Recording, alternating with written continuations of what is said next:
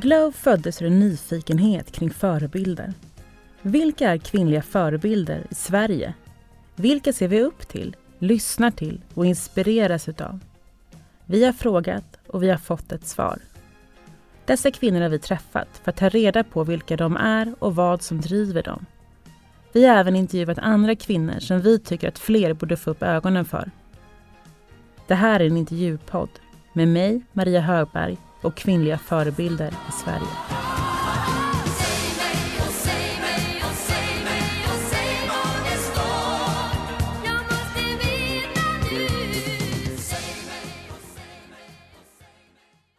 Hon är en helt vanlig tjej. Om hon får beskriva sig själv. Inget speciellt med henne. Inte som barn och inte nu. Men vad betyder det egentligen? En helt vanlig tjej. Ska vi börja med vanlig, som med andra ord kan beskrivas som alldaglig, normal eller konventionell. Ord som förknippas med någon som inte vill sticka ut eller dra uppmärksamheten till sig. Eller ord som någon strävar efter när de inte vill uppfattas som sällsynt, ovanlig eller rent utav konstig. Jag tror att vi alla har haft tider där vi vill känna oss speciella, utpekade och få strålkastarljuset på sig. Sedan finns det tider där vi vill känna tillhörighet, inte sticka ut och bara följa strömmen utan att någon som helst kommenterar det. Kanske är det en sådan tid som jag intervjuar Linnea Claesson i. En tid där hon vill identifiera sig med en helt vanlig tjej eller ser sig som en helt vanlig tjej. Eller så är hon till och med det. En helt vanlig tjej. Linnea Claesson Född den 31 januari 1992 i Norrköping, men flyttade senare till Karlstad. Hon har spelat handboll på elitnivå och vunnit VM-guld med juniorlandslaget och spelat tre SM-finaler med Skuru. Hon har även varit Danmarks proffs och studerat juridik på Stockholms universitet. På Linneas prishylla finns inte bara medaljer och diplom från hennes handbollskarriär och juridikstudier utan de flesta från hennes uppmärksammade aktivist och debattörsarbete. För det var genom Instagramkontot Assholes Online som hon startade 2015 och som idag har 256 000 följare som gjort henne känd för allmänheten som människorättsaktivist, feminist, föreläsare och mycket mera. Nu hälsar vi henne varmt välkommen till Glow Podcast.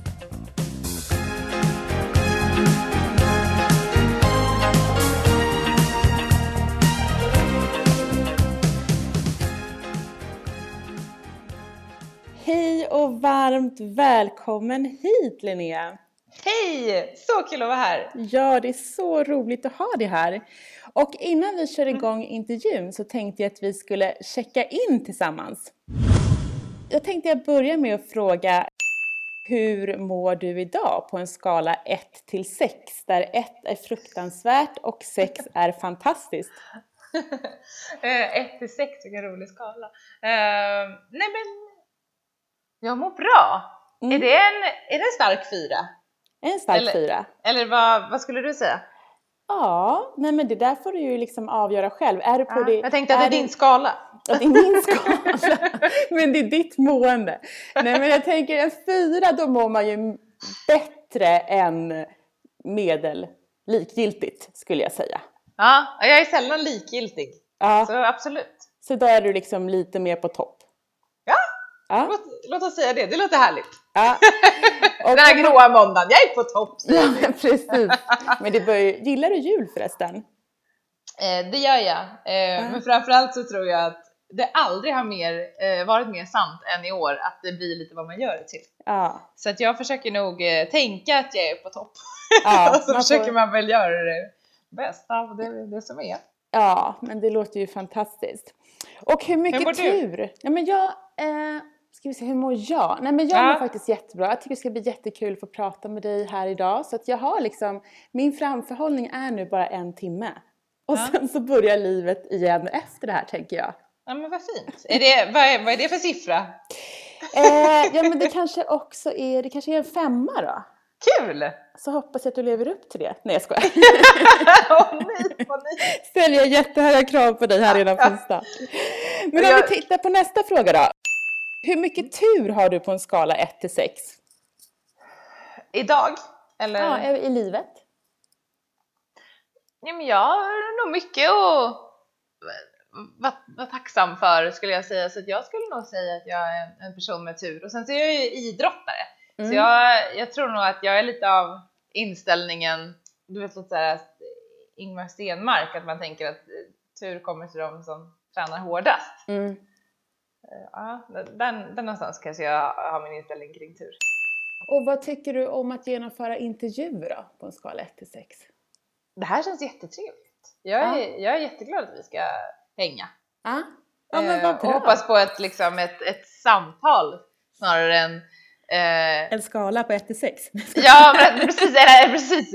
För att jag, eh, jag är inte så intressant när bara jag pratar. Jag tycker det är så himla kul att hänga med människor.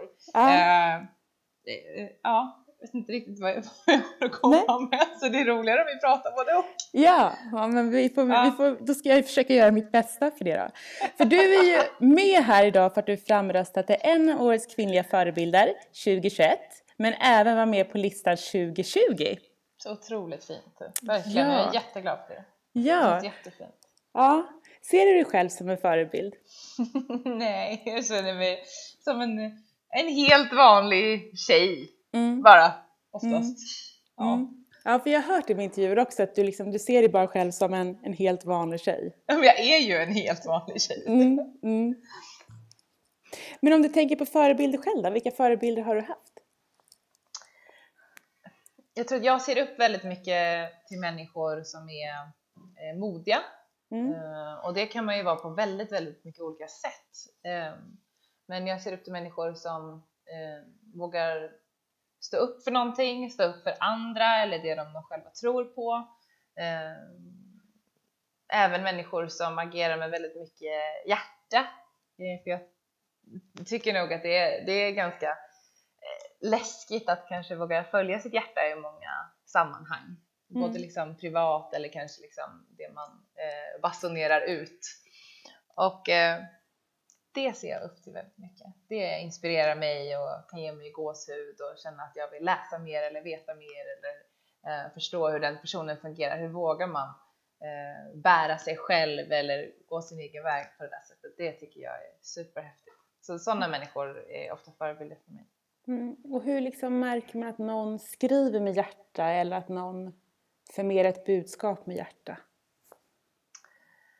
För mig så är nog det Ehm, svaret på det kanske är en känsla och, och en någon slags helhet. Det är nog svårt att sätta fingret på. Mm. Det är nog det där klassiska att man tycker att vissa människor bara har det. Att de mm. talar till det och det finns någonting som resonerar med det de säger. Um, jag brukar försöka tänka att man behöver inte hålla med en person om allt den säger och skriver för att man ska kunna liksom se upp till eller beundra eller ta med sig eller lära sig någonting av det. Eh, det finns väl ingen människa som man håller med om 100% allt den säger och gör. Jag tror att det är viktigt att kunna eh, se människor mer i en helhet och inte dela in i, i små kategorier eller svartvitt liksom. Så att jag skulle nog säga att eh, när man känner det, att just den här delen, det här talar till mig, wow. Eh, det kan kännas väldigt hjärtligt för mig ofta, eller sånt som inspirerar mig. Mm. Är det någonting som har varit eh, en del liksom i din familj och din uppväxt också? Att det är viktigt med hjärta och äkthet och... Det finns väldigt många i min släkt som jag beundrar på det sättet som har verkligen jobbat för andra, både liksom i sitt privatliv och sitt yrkesliv, där jag verkligen kan se sådana egenskaper.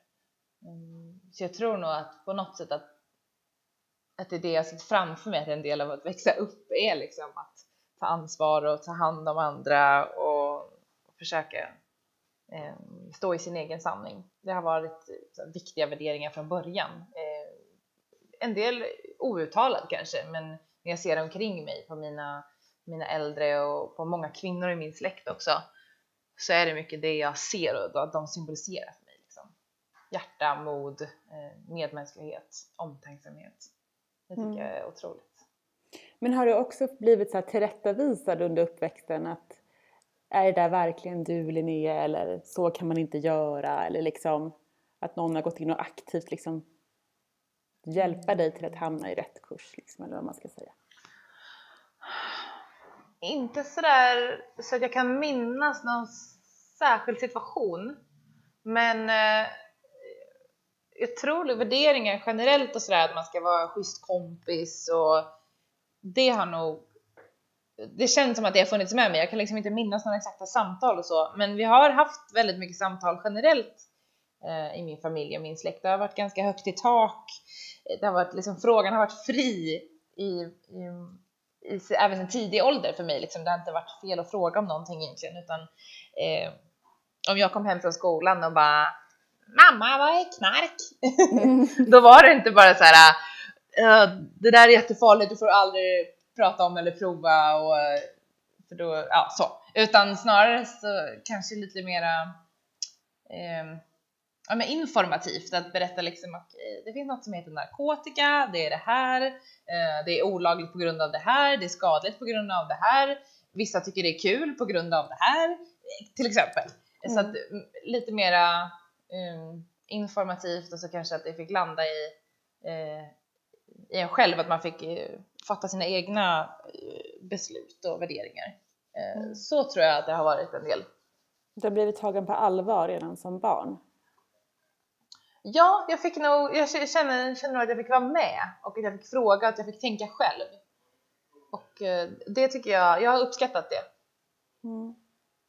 För jag hör, som när jag har hört intervjuer med dig så beskriver du dig själv som, inte flummig kanske, men lite egenart när du var barn. Att du kunde vara liksom Pocahontas som följde med vinden. Och... Åh herregud, ja, det är Sådana ja. saker. Jag vet inte, alla barn kanske är så. Jag kan inte så mycket om barn. Uh, men livlig fantasi fick jag höra att jag, att jag hade absolut. Och att jag var nog lite av en, en visionär och drömmare kanske. Lite så, det låter ju som ett flummigt barn. Mm. men, det, men barn kanske är så, jag vet inte. Jag Nej. tror inte jag var särskilt speciell utan jag tror nog att jag är en, en helt vanlig tjej och att jag alltid har varit det. Mm. jag hörde också att du gick, äh, gick och dagdrömde mycket och det kan jag mm. känna igen mig själv från när jag var barn. Att ja. jag gick och dag, jag dagdrömmer fortfarande väldigt mycket. Att jag liksom helt plötsligt så är, är jag inne i en dröm. Fast Åh vad liksom mysigt, vad drömmer du om? Nej men det kan vara allting. Alltså jag kan vara ute och gå och så har jag fått något jobb.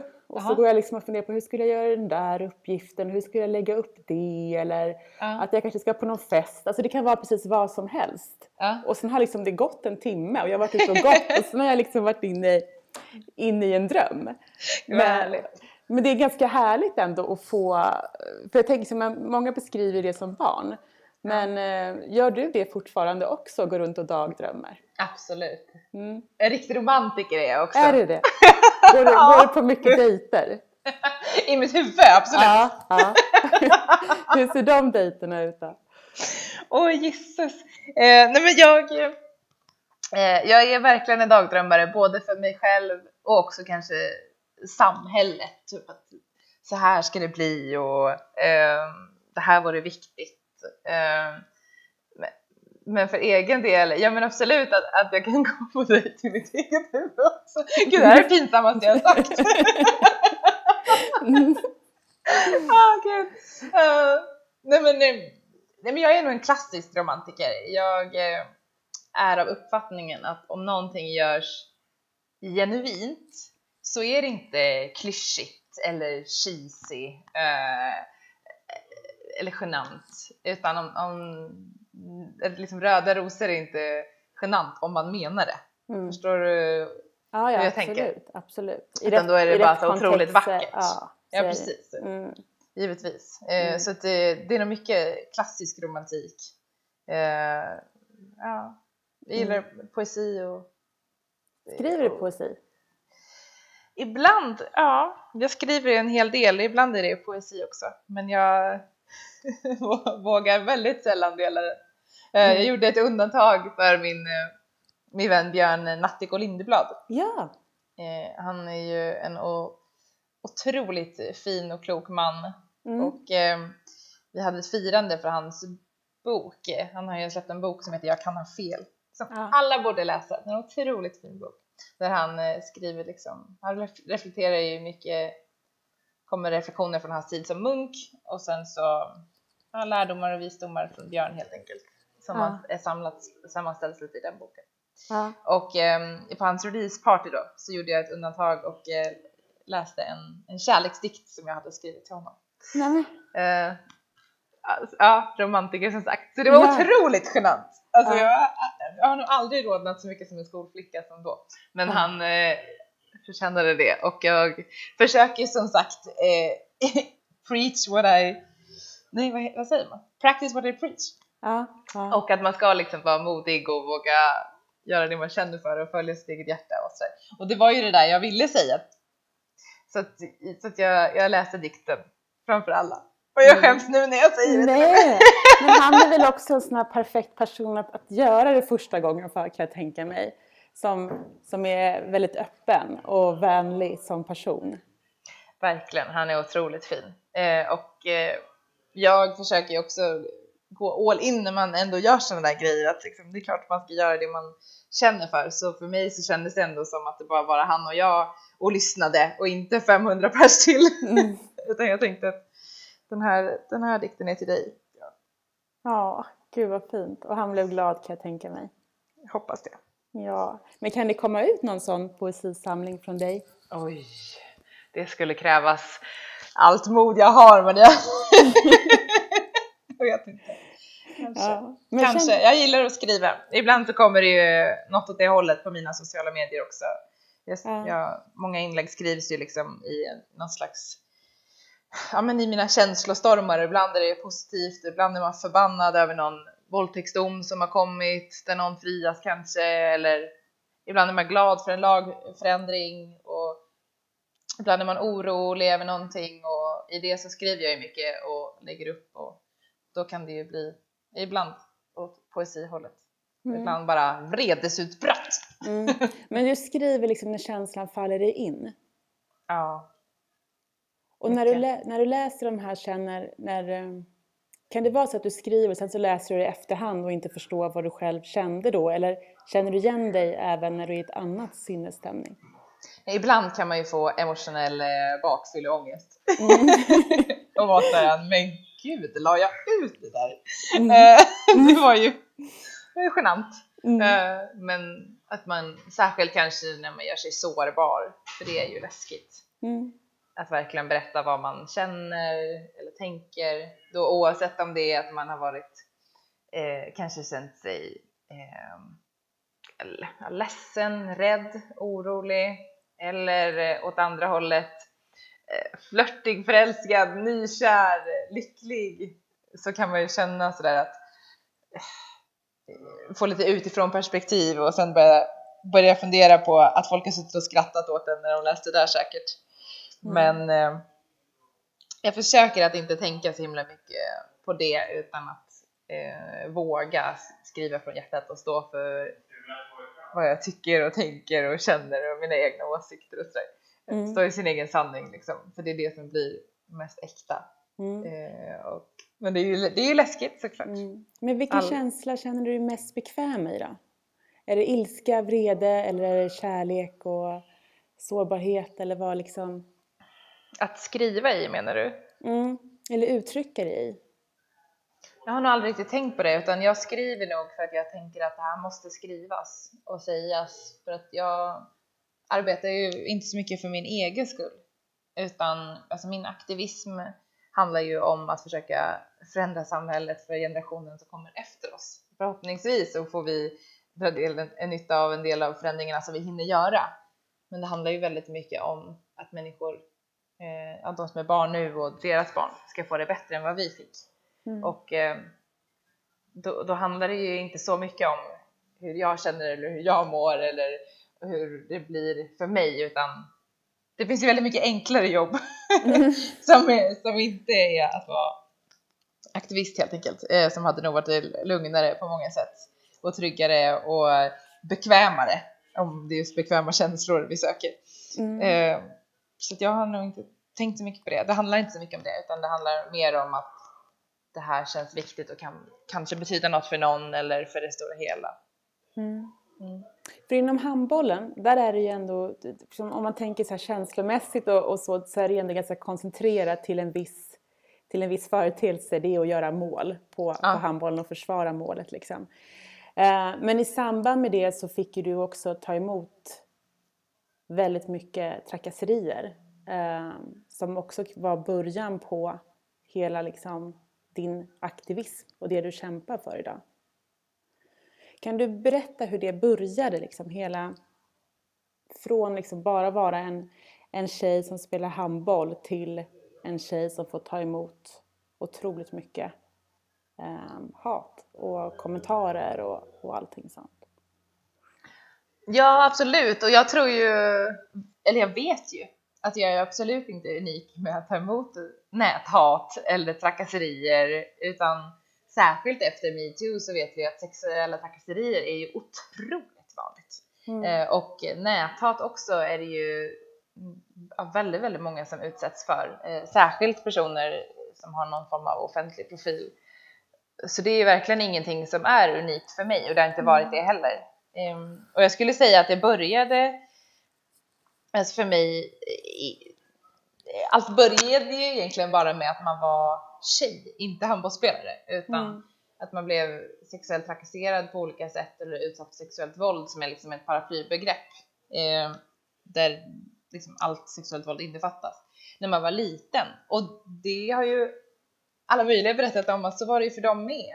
Alltså det var mm. många som blev tafsade på på skolgården och eh, killarna skrek balla balla och sprang in i omklädningsrummet och drog i bh-banden och allt sånt här. Um, man fick höra att kärlek bara börjar med bråk eller pojkar är pojkar. Uh, det är ju där liksom det börjar på något sätt uh, och då var ju inte heller jag medveten uh, om sådana här begrepp som sexuellt våld eller vad det var, utan det var ju normaliserat. liksom att bli tafsad på sen ja, på krogen eller i, i massa sammanhang sådär liksom. Det är ju absolut ingenting som är unikt för mig utan Nej. det som var grejen var väl att jag fick en hel del sådana skickade till mig på internet. Um, ja, men sen internet började. Eh, eller sen man började hålla på med internet. Och eh, därefter sen med handbollen när jag fick liksom så här, lite framgångar där i den eh, stan jag bodde i och sen kanske syntes lite i media ibland och sådär att man fick ännu lite mer uppmärksamhet och då fick man ännu lite mer sexuella kränkningar. Och ja, och sen så började jag skriva om det för jag började bli så jävla trött på det och tyckte liksom att det var sjukt att jag var liksom trött på reaktionen, både den reaktionen när folk var förvånade och var såhär, nej men gud, är det sant? Har du fått en kukbild? Mm. Men jag var också trött på reaktionen, ja ah, jag vet, jag får också sådana. Eller du vet såhär, ja ah, sådana där är de. Eh, jag blev, det gjorde mig också förbannad att jaha, ska vi ha det så här bara för att det är så? Så, mm. så därav så startade jag ett Instagramkonto som heter Assholes online. Och hur kom In. du på den tanken? Alltså det var verkligen, alltså det fanns ingen plan. Det finns fortfarande ingen plan. eh, utan det var verkligen bara så att jag blev ju jag var jävligt trött på att bli utsatt som tjej bara för att man är tjej och att vi tyckte att det var så normalt. Att vi inte gjorde motstånd kände jag då. Att vi inte pratade om det, att det, liksom, det fanns liksom ingen debatt om näthat egentligen då när jag startade det här heller. Inte liksom på den här nivån och den här kunskapen som finns idag. Det har ju verkligen skett ett kunskapslyft som Ehm, jag har försökt bidra till tillsammans med många andra såklart. Och ehm, ja, jag vet inte. Eh, det var verkligen så jävla spontant. Jag kan inte riktigt förklara det. Utan det, det var kom så här, från ah, hjärtat men, att det här behöver göras. Ja, och, och jag hade inte tänkt att det skulle bli stort. Alltså, jag höll ju på med det här kontot i, i ungefär ett års tid. Där det bara så här tickade på med, jag kommer ihåg när jag, när jag hade 50 följare plötsligt. Och jag tyckte det var skitmycket. Alltså du vet, för jag bara, nej men gud, vad, och, och, i början så var det mycket att jag kanske la ut vad jag fick, eh, bara meddelanden, eller ibland att jag svarade dem lite roligt och så la jag ut det. Och så diskuterade vi det här liksom. Alltså så här, vad är det här? Vad ska man göra åt det? Vad ska man svara? Och så liksom andra som drogs till sig som också tyckte att, ja ah, vad fan, vi måste börja prata om det här nu. Det här är flera år sedan. Eh, och sen så växte kontot och eh, och sen så växte kontot skitmycket. Mm. Eh, några feministiska profiler, fick syn på det och spred det tror jag och sen så ja, blev det väldigt, väldigt stort. Men det var ju verkligen ingen plan alls. Mm. Utan mer bara väcktes från en, en vilja att göra skillnad. Och jag gör egentligen exakt samma sak nu som då. Jag försöker göra skillnad, bara att mitt engagemang har utvecklats och, och kanske breddats. Eh, det började med bara mäns våld mot kvinnor eh, liksom kopplat till det här sexuella våldet. Och nu så är jag människorättsaktivist. Jag jobbar med liksom rättvisefrågor, demokratifrågor eh, och skriver om det. Mm. För det är precis som du säger, jag tror att det här är någonting som otroligt många eh, tjejer och kvinnor känner igen sig att just få ta emot olämpliga kommentarer. Men mm. det jag också tänker är så att det är ju förhoppningsvis är lite annorlunda nu än eh, när jag växte upp, jag är tio år äldre än dig. Eh, för jag tänker också att det är ju fortfarande lika, det är inte unikt att man har blivit utsatt för det, men det är ju unikt tror jag för varje person när det inträffar för första gången. Ja. Att, eh, som när jag växte upp så var det ju ingen som pratade om det här och det var ju liksom det var ju ingenting som man pratade om heller och inte förstod Nej. var fel heller. Eh, men jag tänkte, och det, så kanske det även var liksom, för du var 12 år första gången någonting hände dig på nätet. Eh, liksom, hur, hur, förstod du att det här var, alltså hur, förstod, hur vågade du springa ut till din pappa i det här skenet liksom? Hur var det som gjorde att du inte liksom höll det inom dig? Precis, jag tror jag var 10, 11, 12 där någonstans. Jag är inte helt säker, men jag minns så himla tydligt att jag satt på MSN som var liksom en chattfunktion då eh, och så snackade med någon kille som jag trodde var i min ålder och sen satte killen på sin videokamera så är det en gubbe som sitter och runkar. Mm. Och jag var så jävla så här äcklad, rädd. Eh, och som sagt då sprang jag ut pappa och bara ah, pappa hjälp! eh, jag tror nog att eh, säkert kanske bidrar då att, eh, att vi har haft ganska högt i tak hemma som jag pratade om tidigare. Att det fanns inte riktigt pinsamma ämnen eller pinsamma frågor på det sättet och kanske att jag inte hade då blivit skuldbelagd kanske då att jag fattade liksom kanske inte den här skammen som man i andra situationer har fått liksom med victim blaming och att man får höra att man överdriver, att man har eget ansvar och sånt som man ofta säger till offer liksom att aha, men du kanske inte borde ha gått där eller haft på dig det där eller vad gjorde du för att bjuda in eller eller sådär liksom. Eh, uppen, jag kanske var lite, lite för ung för att eh, för att fatta. Om jag hade fått det när jag var 14-15 då hade jag kanske inte sprungit till pappa. Förstår du vad jag menar? Mm. Eh, då kanske liksom fler sådana där lager hade hunnit lägga på av att man kanske också skulle tycka det var pinsamt att säga något sånt till sina föräldrar. Men det här kanske helt enkelt var innan man började fatta att det var pinsamt. Mm.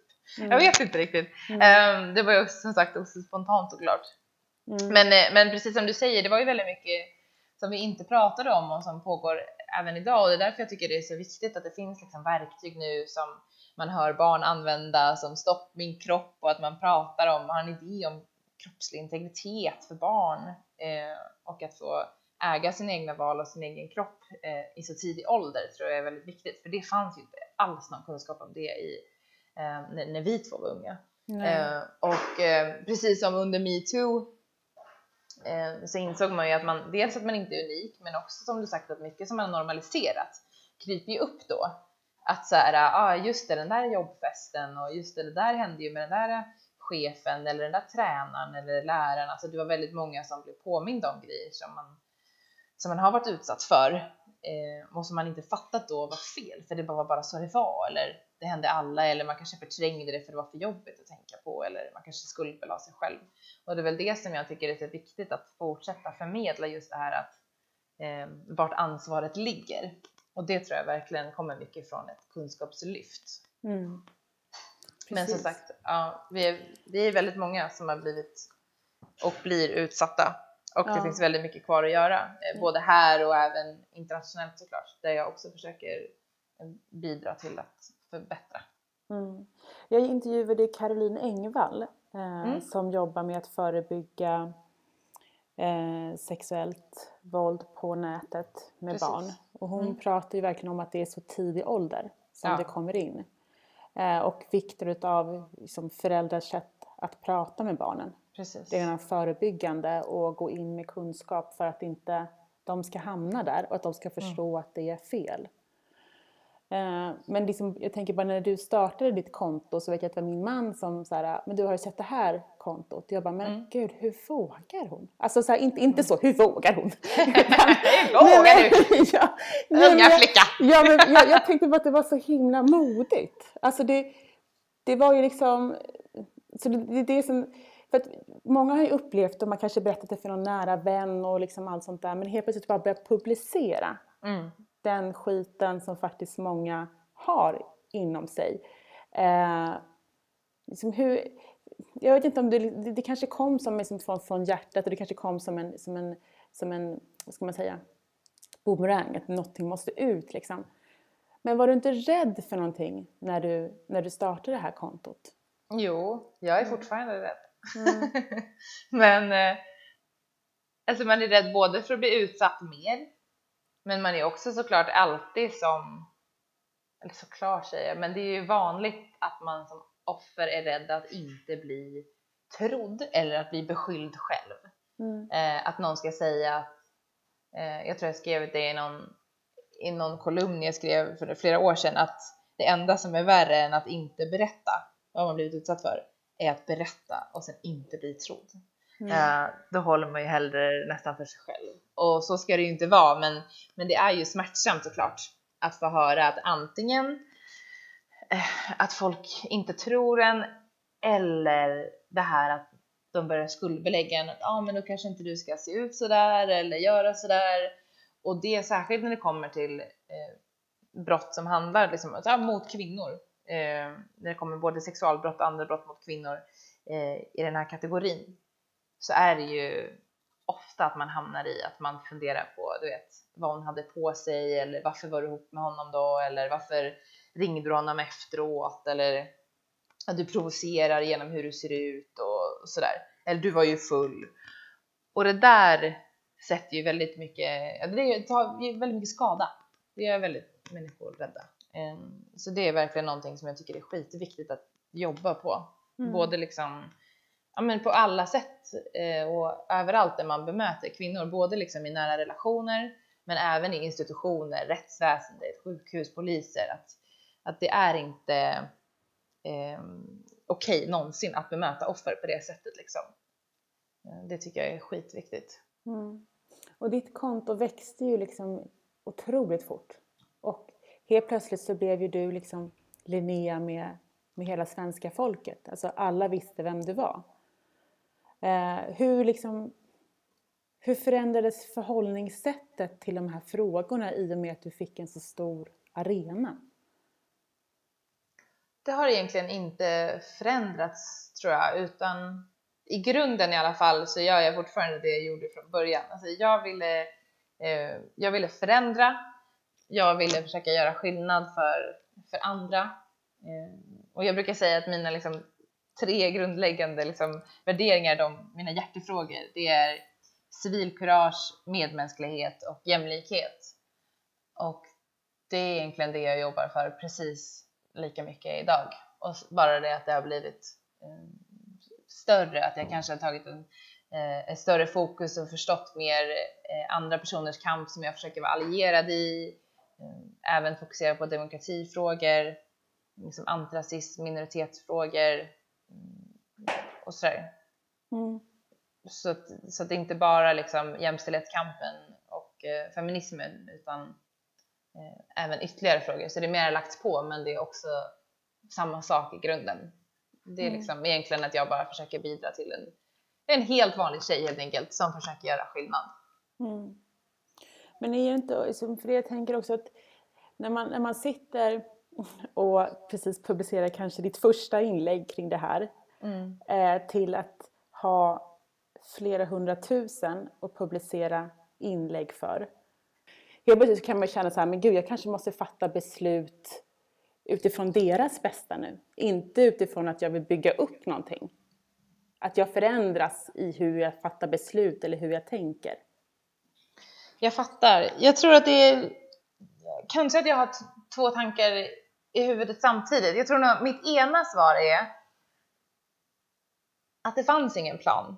Mm. Och det, ja, det, finns fortfarande ingen plan. Alltså det var ingen plan att skaffa en stor plattform eh, och verka på det här sättet. Och jag vet fortfarande inte alltså, helt hur jag ska gå framåt för att göra så mycket nytta som möjligt eller på vilket sätt jag kan vara behjälplig. Jag har märkt det här året att jag har fokuserat ännu mer på liksom, utifrån ett behov som jag har känt att människor känner sig väldigt ensamma och fokuserat ännu mer på det. På något sätt att bara försöka få människor att känna sig mindre ensamma. Det har känts som att det är akut. Och, och det är ju någonting som blir, ah, som jag kan se nu efteråt att det har förändrat, det har fokuserats mer på det det här året. Eh, mm. Men det blir liksom eh, dynamiskt. Mm, ett, ett annat svar som också kanske är svaret är ju att givetvis kan jag se att alltså det är skillnad på mig som person och mina, mina plattformar. Alltså Assholes online är ju inte Linnea Claesson. Jag är ju en mm. person och sen så har jag ett konto som heter Assholes online eller ett Instagramkonto som heter Linnea Claesson. Och eh, det är väldigt stora plattformar och därför så är det såklart viktigt att fundera på vad man säger, hur det tas emot, eh, vad som publiceras där eller inte och att försöka ta ansvar för det eh, och liksom förutse eh, hur saker och ting ska landa. Eh, verkligen. Mm. Samtidigt som det är också viktigt att kunna och få skriva från hjärtat, vara personlig. Eh, så det där är väl kanske att man försöker hålla de två sakerna samtidigt, balansera det på något sätt. Mm. Och att om man börjar tänka för mycket på hur många det är som läser, då kanske de inte vågar skriva. uh, så att det, är en kombination, att det är viktigt att liksom komma ihåg hur stor plattform man har för att man har ett ansvar. Men det är också viktigt att, att känna liksom att nej men här ställer jag mig och så får ni säga vad ni vill om det. Mm. den, den kombinationen liksom att man inte, att man måste stå upp för det man tycker och, och där kanske man får stå ensam. Eh, att liksom att skriva utifrån den förutsättningen att det här står jag för, punkt. Och så får den som gillar det gilla det och den som inte gillar det eh, ogilla det. Mm. Eh, så, ja, så kanske de två, det kanske låter motstridigt och det kanske det är, men det kanske ändå måste finnas samtidigt. Hur, om du liksom beskriver det senaste året då, 2020, hur har det varit för dig och vad har du liksom drivit för, för frågor eller gjort? Du ska få vara med i Pippi såg jag förresten. ja, precis. Um, eller um, Astrid Lindgren Text, det ja. bokförlaget, släppte ja. ju i och med att det var 75 år sedan den första Pippi-boken kom ut. Ja. Uh, en antologi som heter Pippi perspektiv. Uh, där jag fick alltså, verkligen uh, en ära känns det som att få vara med och, och skriva en bit. Ja, och vad är Pippi-perspektivet då? alltså för mig eller? Mm, mm. jo men jag skriver väl väldigt mycket om varför jag ser upp till Astrid Lindgren och till eh, Pippi Långstrump. Astrid Lindgren var ju en otrolig författare men också en aktivist eh, både i sitt författande men också i övrigt och engagerade sig samhällspolitiskt. Och det som jag tycker går igen är ju just det jag brinner för och verkar är ju liksom civilkurage, medmänsklighet, jämlikhet. Att det jag kunde läsa ur hennes böcker och det hon sprider och det hon gjorde tycker jag är helt otroligt. Mm. Och um, så min text bottnar väl i, i det på något sätt. Mm. Um, så det är otroligt uh, hedersamt uppdrag. Jag är jättetacksam för det. Mm. Um, I övrigt i året, det är inte så himla muntert kanske. Redan direkt när vi började stänga igen runt om i världen och även i, i Sverige, liksom, att man skulle vara hemma mer, så började ju jag och eh, självklart eh, andra kvinnorättskämpar flagga för vad kommer det här innebära i frågor om mäns våld mot kvinnor? Mm. Och eh, det här är såklart en fråga som eh, som alltid att det handlar såklart också om barn som far illa eller eh, ja, men givetvis också män som har det dåligt hemma och sådär. Eh, men generellt så har jag pratat väldigt mycket om i år just vad det här kommer innebära och försökt verka för det på olika sätt. Och även de organisationerna som jag, jag är ju goodwill-ambassadör för Kvinna till Kvinna mm. som är en svensk organisation som jobbar runt om i världen. Där ser man ju också att det är otroligt mycket eh, försämringar på grund av pandemin när det kommer till eh, kvinnors rättigheter. Både när det gäller strukturellt, att länder passar på att ändra lagar och inskränker rättigheter när man inte liksom civilsamhället kan vara ute och engagera sig och demonstrera på samma sätt. Men även alltså på individuellt plan att eh, kvinnor inte kommer till jourerna, man får inte kontakt med den stödverksamhet som finns mm, och att man är ja, inspärrad med sin förövare eh, på väldigt många ställen.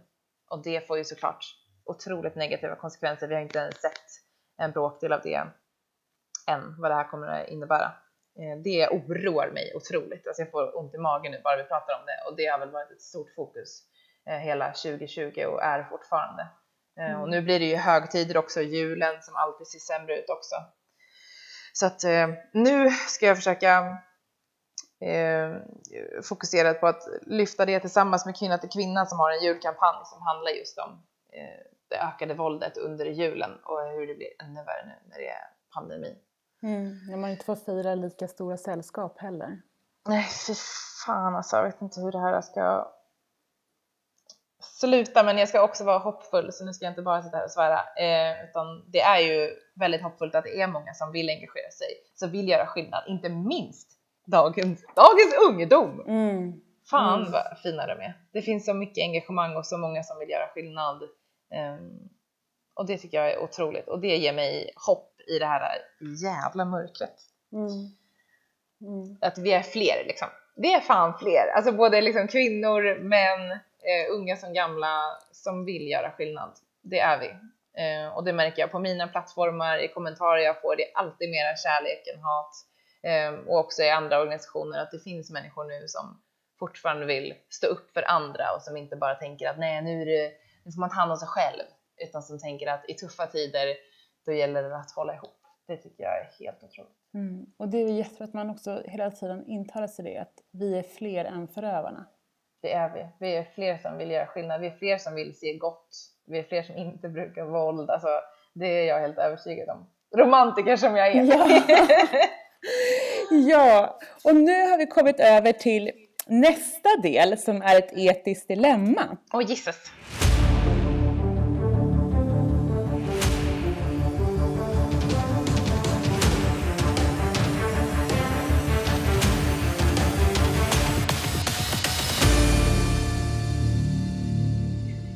Hela livet är väl ett etiskt dilemma, är det inte Ja, det är ju det. Men du är, du är ett konkret som du kan få avgöra här och nu. Och det lyder så här. Din närmaste vän är anklagad för ett brott som hen begått och som ger flera års fängelse. Du kan vara vännens alibi, men konsekvensen blir att en annan person döms till fängelse. Vad gör du? Nej men gud! Gud vad svårt. Oj, vilken fråga. Uff. Jag kanske backar min kompis. Det kanske jag gör. Det är mm. ju fel. Mm. Men jag kanske gör det. Mm. Din spontana är att du backar din kompis. Ja, det är min spontana. Men det känns ju inte bra. Nej. Det är ju det är inte lätta val här. Nej. Men det är... Eh, men det är inte lätt att vara människa heller. Det finns ju inte onda eller goda människor. Det finns ju inte liksom en person som bara gör rätt och en person som bara gör fel. Utan eh, vi är väl ondgoda, ondgoda personer allihopa. Mm. Så jag är väl en ond, bra vän mm. i det här mm. fallet. Vänner för alltid. Ja. Ja, perfekt. Och nu har vi vår sista.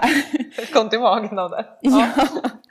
Det kan, jag ser näthatet trilla in här du vet. Ja, nej, nej, nu gjorde jag någon förbannad. Ja. ja. Men vågar du svara? Heter de här frågorna.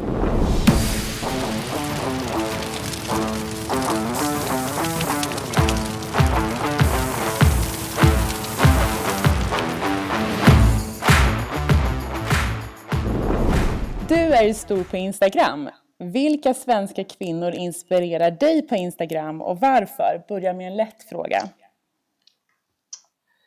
Jag tycker jättemycket om en kvinna som heter Sofia Jannok. Hon mm. inspirerar mig väldigt mycket. Eh, det är en kvinna som kämpar för eh, samers rättigheter genom bland annat liksom, eh, musik och sitt skrivande. Jag tycker Greta, det talar väl för sig själv, man tycker att hon är otroligt inspirerande. Jonna Jinton tycker jag otroligt mycket om. Mm. Jag tycker att hon är väldigt modig. Varför då? Jonna Jinton är en kvinna som eh, kanske hyfsat spontant kändes det som, följde sitt hjärta och lämnade storstadslivet för att flytta upp till Norrland och norrskenet och eh, till en början bo helt ensam i en liten stuga eh, i snön och urskogar. Eh, för det var det som kändes rätt i henne, det kallade på henne. Och eh, att välja ett helt eget liv och gå emot alla samhällets förväntningar på olika sätt tycker jag är otroligt modigt. Um, så att, uh, hon, ja, hon gör mig modig. Mm.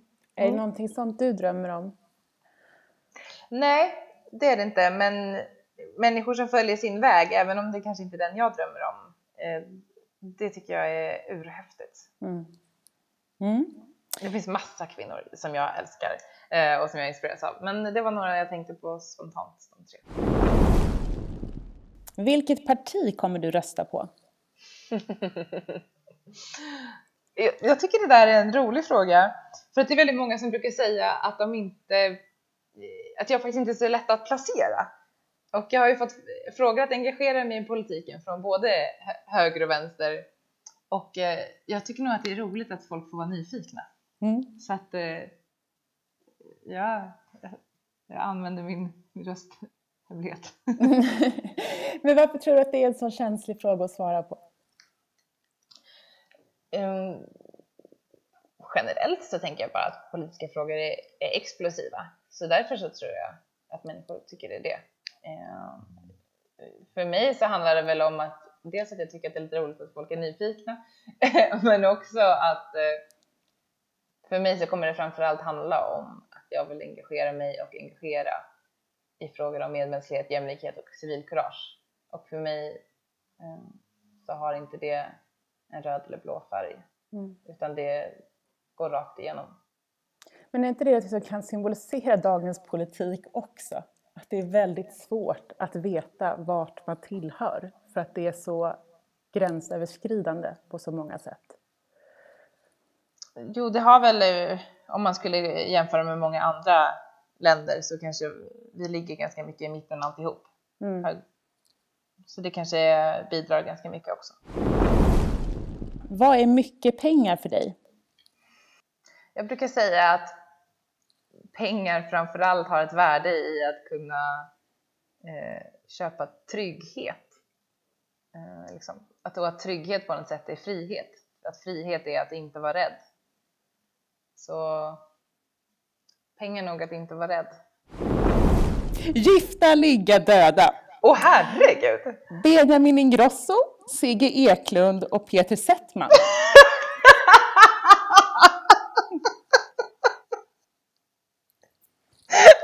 Jag sa ju att den var, att den var ju väldigt vass. Vilket gäng! Du kommer också få svara. Mm. Då ska vi se. Eh, Benjamin Ingrosso, Sigge Eklund och Peter Settman. Mm. Alltså Peter Settman tycker jag ju är en fantastisk människa. Jag har ju arbetat med honom, eh, vi var programledare tillsammans på Svenska hjältegalan som var så himla fint och han är han är rolig, han är, alltså vi hade så kul ihop, det bara liksom sprakar om den människan tycker jag. Så honom skulle jag jättegärna vilja eh, vakna och somna med och leva med och laga mat med varendaste dag. Mm. Eh, det här har ett frieri! Det här har ett frieri! Fantastiskt! Ja, absolut. Mm. Jag tycker han är fantastisk. Han är verkligen någon man skulle vilja leva med. Mm. Verkligen. Um, då ska vi se. Benjamin Ingrosso eller Sigge Eklund? Just det, alltså jag... Alltså när det kommer generellt till vad jag... Alltså vad jag tänder på, om vi nu ska vara vassa, mm. så är det ju dels mod. Alltså jag, jag, ja, det är liksom någonting som jag verkligen uppskattar hos människor. Det är en egenskap som jag liksom, oavsett i vilken, på vilket sätt, men även också, jag tänder på människor som är modiga. Men, jag, men också människor som är som har tänkt, som har läst, som är liksom eh, kulturella, intellektuella och också romantiken i mig. Alltså, jag gillar ju eh, människor som skriver, att skriva själv, poesi och jag vet väl att eh, Sigge Eklund också är väl en sån här person som ja, skriver, läser och han gillar väl Tranströmer som jag mm. också älskar. Um, och han har en fantastiskt vacker fru också. Mm. Um, och eh, alltså det kanske man kan få med på den här. Ja. så att, eh, och sen så, ja men jag, jag uppskattar verkligen det, den egenskapen hos människor. Människor som verkligen har läst och tänkt och är kulturella och smarta. Och, ehm, eh, han, och jag läste en bok av honom också, den här Bränna alla mina brev. Det var Alex Schulman. Ja, men vad fan! Är det han du tänker på nu? Åh oh, herregud! Det är okej. Okay. Det Ja men vad fan.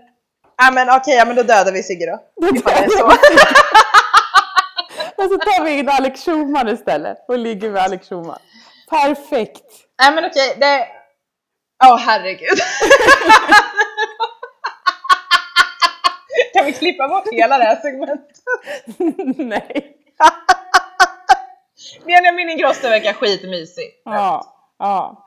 Men vi, vi sätter honom på vänlistan då. På sånglistan. Döda känns så jäkla hårt.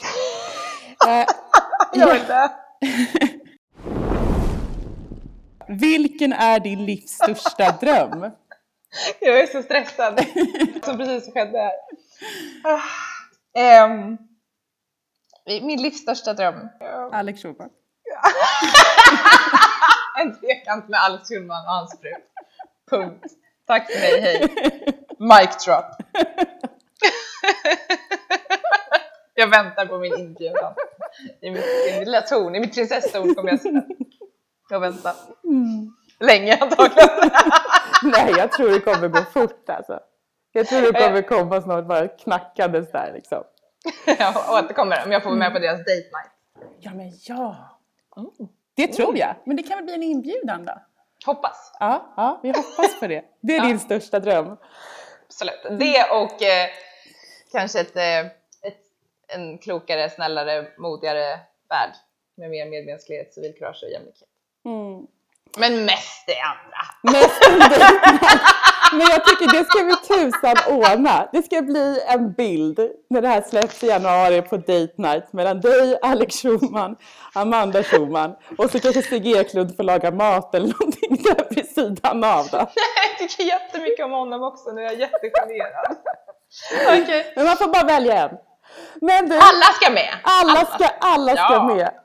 Alla ska alla. med på den här dejtnighten. Alla är fina. Jag känner, jag känner som att jag har förolämpat någon nu. Eh, jag tar tillbaka allt. Jag friskriver mig från allt jag sagt den senaste timmen. Ja, det gör du rätt i. Jag får tacka så otroligt mycket för att du tog dig tid eh, och för att jag fick prata med dig, vilket har varit någonting som jag vill ha gjort väldigt länge. Vad fin du är. Mm. Tack så jättemycket ja. för att jag fick komma. Tack. Det här var allt från intervjun med Linnea Claesson och jag önskar er en fantastisk dag så hörs vi snart igen.